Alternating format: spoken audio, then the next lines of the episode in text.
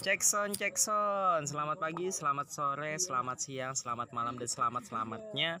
Eh, selamat datang kembali ke Tunggul Podcast kami, di mana Tunggul Podcast selalu membahas hal-hal isu-isu tentang lingkungan, ya kan? Eh, lingkungan sekitar kita lah. Nah, eh, bagi para penikmat kopi, teh, dan yang lagi nongkrong sambil ngerokok silahkan seruput kopi dan tehnya dan silahkan nyalakan rokoknya. Dan bagi para pendengar yang menggunakan vape silahkan basahi kapasnya dan hirup setelahnya.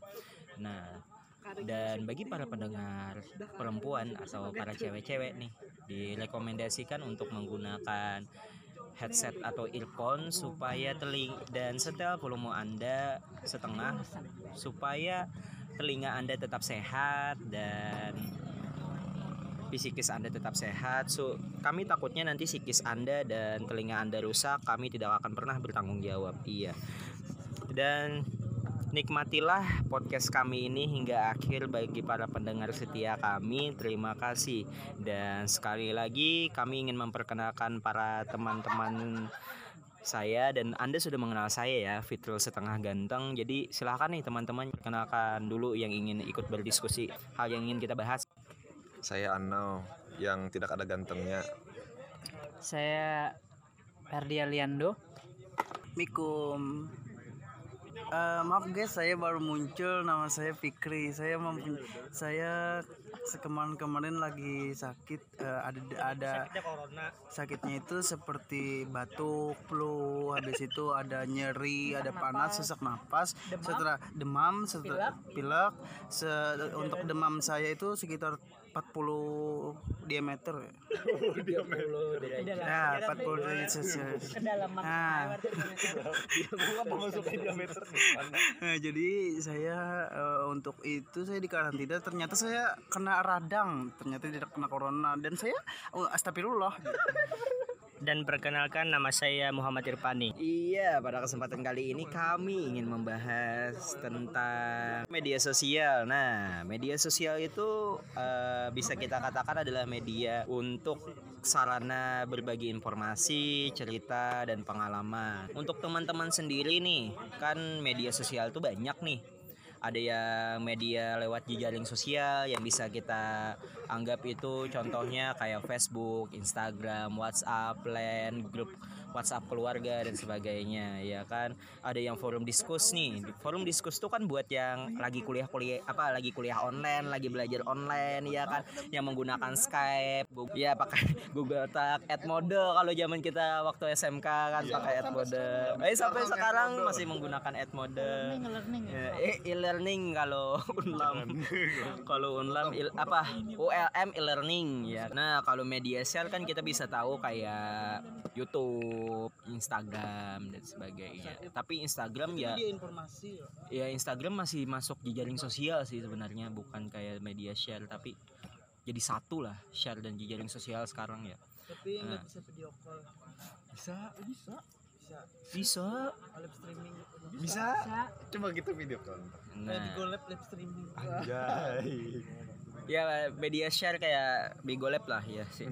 Itu media pembantu Iya. Nah, pada pembahasan kali ini saya ingin memberikan sebuah isu nih, isu tentang bagi kalian nih dampak eh, sisi positifnya jejaring sosial bagi pribadi kalian masing-masing seperti apa sih?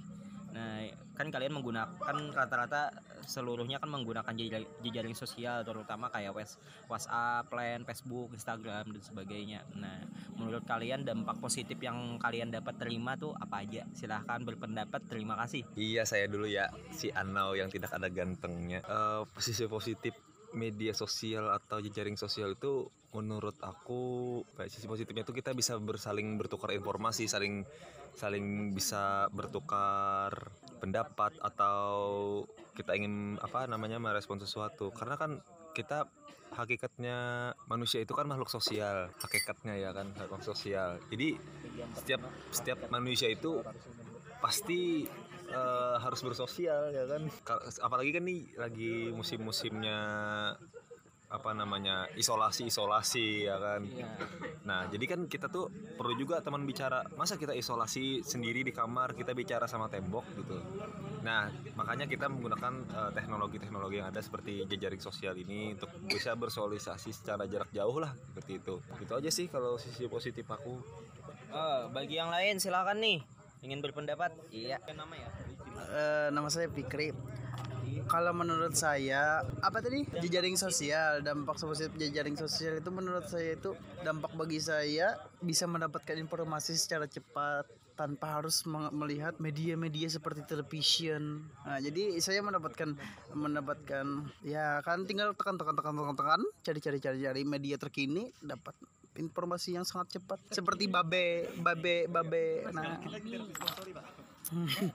Spotify kita masih belum ada sponsor. Takutnya kan ini bayar. dan kalian dan kalian bisa juga men- mendapatkan jodoh di media itu. Seperti sepe- se- eh, bisa seperti seperti ada teman saya yang dapat jadi tantan ada juga. Itu mendapatkan sesuatu jodoh atau pacar bisa juga bisa nah. Jadi sisi positifnya itu bisa dapat jodoh ya gitu ya? Hmm, dampaknya luas. Dampak positifnya bisa informasi. Nah, informasi jodoh terus video-video video lucu maupun video yang membantu kita di malam Jumat. Maksudnya ceramah agama. Maksudnya, maksudnya ceramah agama. Ceramah agama. Eh, Kan masih banyak loh streaming-streaming Nah, ceramah agama. Bang Ustadz Abdul Somad. nah, Iya kan? sama kan ada apa? Ya enggak, lanjut. Lanjutkan aja, lanjutkan. Ya, eh, menurut saya oh, kalau media itu sangat positif bagi saya dan membantu saya. Terima kasih media. Terima kasih jejaring sosial. Perkenalkan saya Muhammad Irfani. Dampak positif dari apa tadi? Jejaring sosial. Jejaring sosial.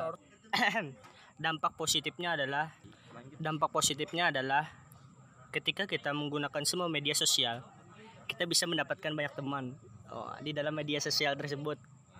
Jejaring sosial. Hmm.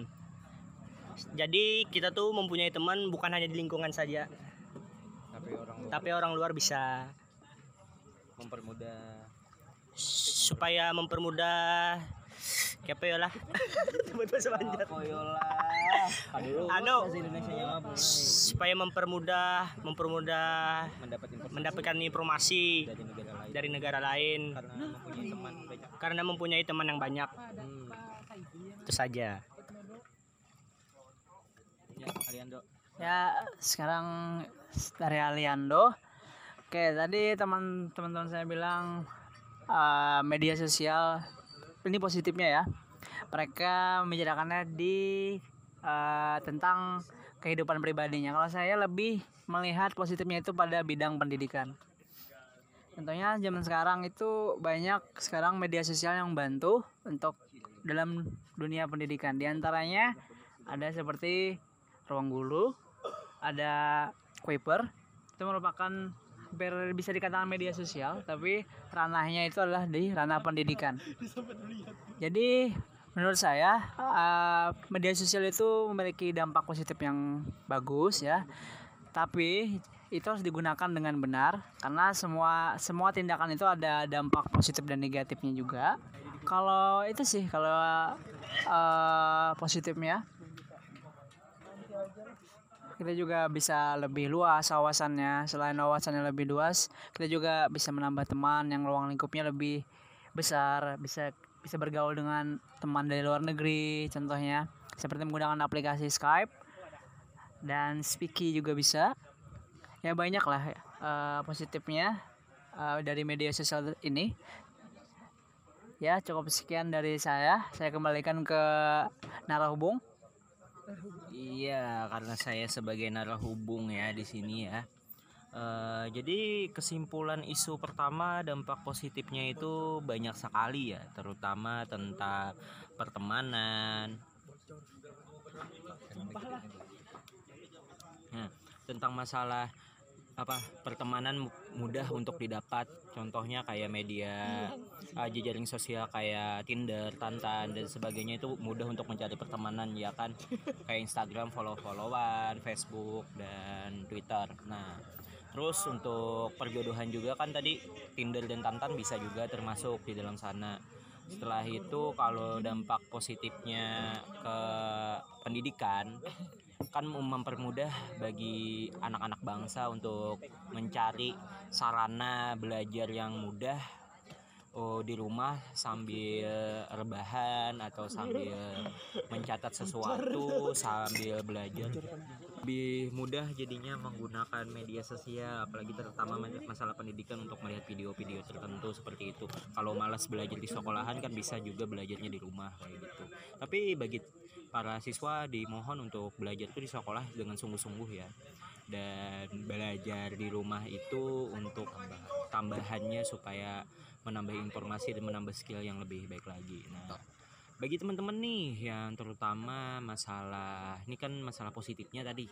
Saya ingin bertanya lagi nih isu yang kedua atau pertanyaan yang kedua nih tentang dampak negatifnya bagi eh, secara terserah nih pengennya secara umum yang kalian lihat ataupun secara pribadi yang kalian rasakan dampak negatif dari media sosial tersebut atau jejaring sosial tersebut. Nah, silahkan berpendapat. Saya kembalikan lagi kepada para teman-teman yang berdiskusi. Terima kasih.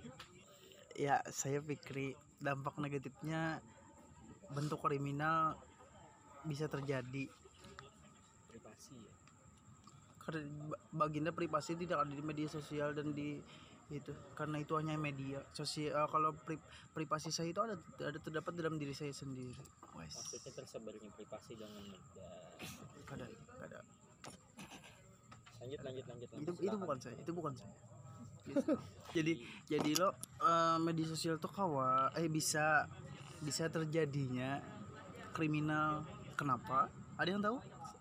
Siapa angkat tangan? Bisa Tidak tahu pak. Nah, jadi med- jadi media sosial itu bisa menjadi kriminal karena kan status-status dulu tuh OTW Banjarmasin atau OTW di suatu tempat kan dari dari orang yang mempunyai kontak itu bisa dia oh cegat dia begal dia. Kan kita tahu dia menuju ke mana. Dan di situ terjadi kriminal di antara media atau terjadi kan ada kan ada juga misalnya membuat status alone artinya sendiri di rumah pasti dan orang pasti berpikir ah dia sendiri di rumah. Bisa saja kejahatan yang akan muncul ketika dia sendiri. Stalker stalker tuh ya. Nah, yang iya. Mengagumi dia yang Nah. sangat sangat. itu. Karena jadi media itu bisa juga membuat kriminal. Tapi ya terjadi itu karena diri sendiri juga sih. Ya itu saja sih menurut saya dampak negatif saya lanjutkan kepada kalian Ya ini Anau yang tidak ganteng. Jadi yang negatif itu bagi saya itu lebih ke berita hoaxnya sih. Karena kan hoax tuh mudah dibuat-buat gitu. Apalagi orang suka main drama. Hoax tuh udah jadi mendarah daging lah buat orang suka main drama gitu. Jadi kayak hoax misalkan nih eh, ada berita hoaxnya tentang Fikri terkena corona. padahal belum padahal padahal kan belum dia belum eh, belum tahu kepastiannya. Jadi kan orang tuh kayak eh, lebih menjaga jarak sama Fikri nih karena berita hoaxnya si Fikri terkena corona. Kan kasihan juga si Fikrinya kan eh, lebih dijauhin orang tidak mendapat perhatian dari seseorang. Tapi gak tahu Fikrinya punya seseorang atau enggak ya kan Fik itu aja sih kalau aku lebih ke berita hoaxnya sih kalau sisi negatifnya. Apalagi di grup WhatsApp keluarga. Wuih, sangatlah mengerikan sangatlah mengerikan hoaxnya. Jokes jokes bapak-bapak. Jokes bapak-bapak dan ibu-ibu bercampur jadi satu. Ceramah-ceramah pun keluar. Kembali lagi bersama saya Irfani. Dampak negatif dari jejaring sosial yaitu adalah ketika kita saling mencela di media sosial. Contoh seperti bullying terhadap seseorang lewat komentar-komentar netizen. Karena itu bisa membuat seseorang yang dibully itu frustasi, bisa bunuh diri. Nah, itu dampak negatifnya. Iya, seperti di Korea-Korea itu kan banyak. Seperti yang orang putus asa, artis yang kada sanggup Iya. dengan ketenarannya. Tidak sanggup dengan komenan-komenan netizen yang sangat pedas. akhirnya Akhirnya dia memilih jalur yang jalur yang ya langsung n n n. Mati. Meninggal meninggal. Meninggoy meninggoy. Ya itu saja sih dari saya Iya, saya sebagai pembicara terakhir ya Liando bahas tentang negatif dari media sosial. Tentulah kalau berbicara negatif itu tergantung pengguna. Kalau yang saya temui sih, kalau negatifnya adalah ya seperti yang teman-teman saya bilang tadi, kebanyakan media sosial media sosial digunakan untuk bullying, komen-komen dan menjadi stalking stalking mantan contohnya salah satu lang- salah satu contohnya stalking mantan kita masih kepo tapi kita malu mengakuinya otomatis kita membuat bikin akun fake akun biar biar nggak tahu bahwa itu kita yang sedang stalkingnya itu salah satu negatifnya ya tapi Follow-follow yang aneh-aneh. iya eh, follow Menunggu orang itu lab. Iya, nunggu nunggu sesuatu yang live ya, seperti itu. Tapi lebih banyak sih negatifnya lah pada bullying. Sampai-sampai kebanyakan artis juga banyak menemukan eh, kasus-kasus bullying. Itulah sih utamanya kalau yang saya sering temui eh, jadi negatif dari media sosial ini bullying. Ya, eh, cukup sekian dari saya. Saya kembalikan kepada narahubung. Iya, kembali lagi ke narahubung kalian nih, Fitrul yang masih setengah gantengnya. Jadi menurut teman-teman nih, terutama dampak negatifnya ya tentang media sosial adalah mudahnya memberikan informasi yang sangat-sangat seharusnya dijaga. Contohnya seperti kayak ingin OTW ke tempat sesuatu dan sebagainya hingga akhirnya uh, ada stalker ataupun ada yang mengikuti hingga akhirnya terjadinya sebuah buat tindakan kriminal. Nah, terus ada juga yang bilang teman kita tentang dampaknya adalah memicu informasi terutama opini op- menggerakkan opini-opini banyak orang terutama masalah berita hoax. Nah, hingga akhirnya kan orang mempercayai hoax tersebut, berita yang tidak baik tersebut hingga akhirnya menjadikan sarana yang kurang baik juga buat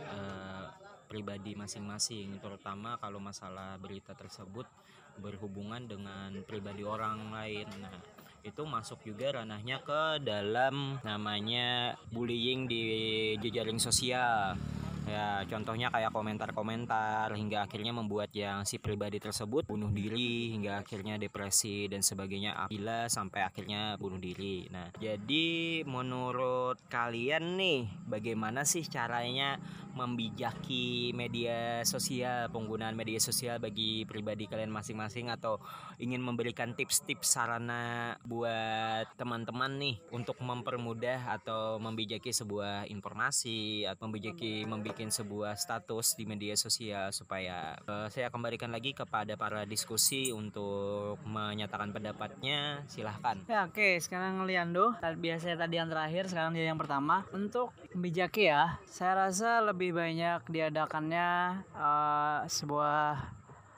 penyuluhan atau pembelajaran bagaimana caranya atau tindakan yang tepat dalam bersosial media agar masyarakat eh, tidak salah menggunakan. Contohnya kan sekarang banyak ada seminar-seminar tentang pembelajaran tentang cara menggunakan media sosial yang bijak. Dan kita sendiri pun harus sadar diri dan membatasi diri untuk melakukan hal-hal yang benar, bukan yang uh, mengomentari hal-hal yang negatif tentang orang. Nah, kita harus membatasi diri untuk itu. Jadi saya rasa uh, salah satu langkahnya adalah dengan cara banyak banyak banyak penyuluhan tentang bagaimana bijak bersosial media.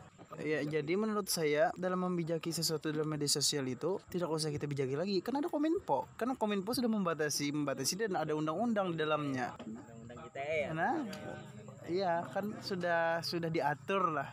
Jadi kita sudah berangkat tangan saja kepada kominfo yang sudah dijelaskan.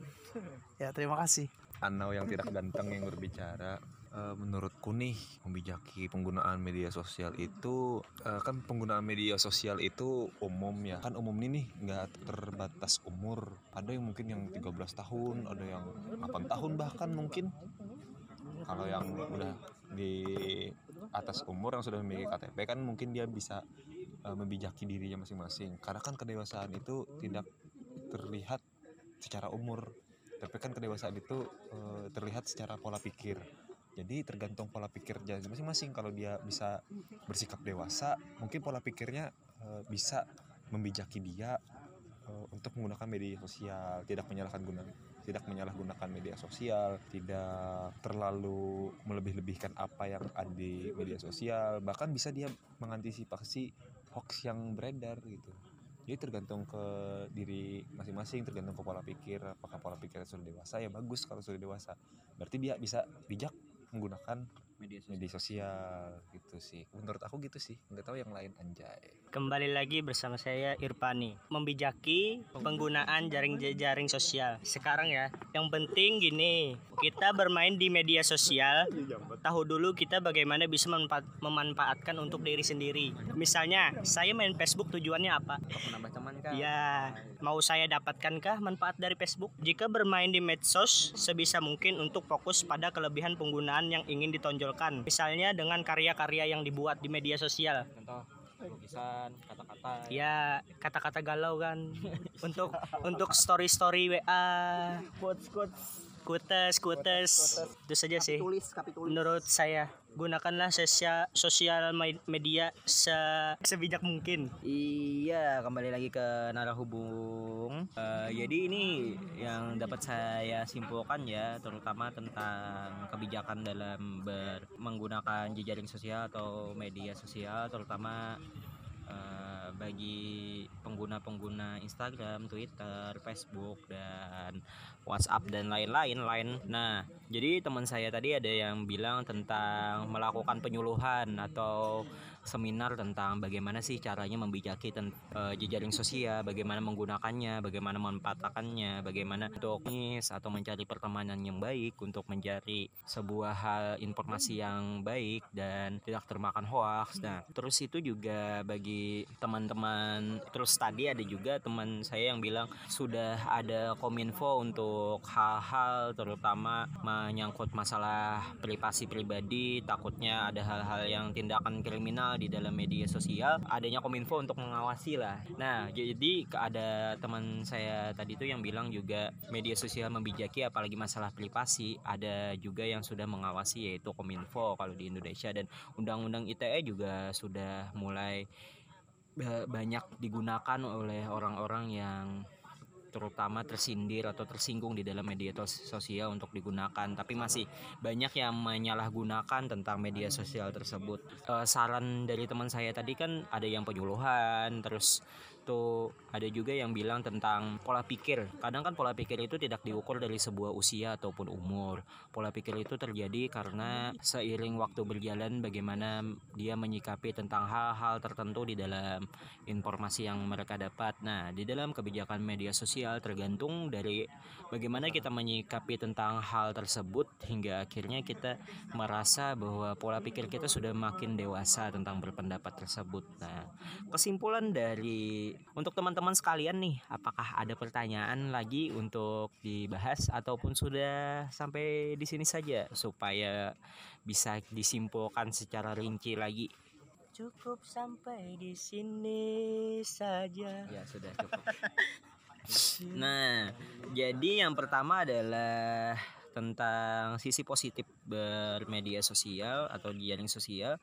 Eh, penggunaan medsos pasti ada dampak positifnya dari segala sisi. Contohnya eh, berinteraksi tadi kan bertukar informasi dan mendapatkan teman ataupun jodoh di dalam dampak positifnya. Jadi mendapatkan informasi-informasi yang baik dan tidak termakan hoax dan banyak sih lagi dampak positifnya bi- bisa memulai bisnis dan sebagainya. Nah, dampak negatifnya juga bisa terjadinya dan eh, tindak kriminal terutama yang membuat status yang misalnya mau ke, ke suatu tempat hingga akhirnya diiringi orang dan terjadilah tindak kriminal yang tidak baik dan termakan masalah hoax. Misalnya ada orang nelpon minta kirimi uang 10 juta itu jangan termakan hoax tersebut. Nah untuk sisi ya untuk sisi eh, kebijakan nah untuk Nah, dan sisi negatifnya tadi lagi ada juga eh, saya ingin menambahkan eh, terutama masalah bullying. Nah, untuk bullying sendiri terjadi bukan secara eh, nyata juga sih apa secara dunia real atau dunia nyata sekarang di dunia internet pun juga banyak bullying-bullying yang sangat mengerikan terutama masalah kata-kata yang harus kita jaga terutama komentar-komentar yang kalau kita berkomentar begini bagaimana sih perasaan orang tersebut? Atau kita mengomentari ini bagaimana perasaan kita kalau kita dikatain orang seperti komentar kita tersebut? Nah untuk berpikir secara bijak lah menggunakan media sosial itu terutama saat berkomentar. Nah yang kesimpulan ketiga tadi kan kebijakan. Nah tadi kan sudah dijelaskan tentang kesimpulan kebijakan melakukan penyuluhan terutama sudah ada kominfo yang sudah mengawasi terus me- pola pikir kita semakin hari harus semakin dewasa untuk membijaki sebuah informasi dan mengurangi eh, dampak bullying yang ada di dalam media sosial dan tahu manfaat apa yang ingin kita gunakan dalam bermedia sosial supaya tidak terjadi hal-hal yang tidak diinginkan. Nah, sekian dari tunggu podcast kami malam ini. Eh, bagi teman-teman yang ingin memberikan sebuah topik pembicaraan dalam tunggu podcast, silahkan follow Tungkas di Instagram tunggu podcast yaitu Tungkas T U N G C A S T Tungkas. Nah, di situ kalian bisa memberikan eh, lewat direct message ataupun DM bisa ah aku ada topik nih yang ingin ingin kalian angkat, tolong berikan topiknya dan siapa tahu kalian ingin menjadi narasumber bisa kok ikut-ikut ngumpul-ngumpul sama kami sambil ngopi-ngopi santuy kayak gitu. Nah, dan masalah privasi kalau kalian ingin tidak ingin dijabarkan masalah privasinya, kami tidak akan membahas privasi kalian kalau kalian memberi topik ataupun kalian ingin berkomentar hal-hal yang kurang berkenan dan sebagainya. Nah, sekian dari podcast kami hari ini. Terima kasih dan sampai jumpa lagi.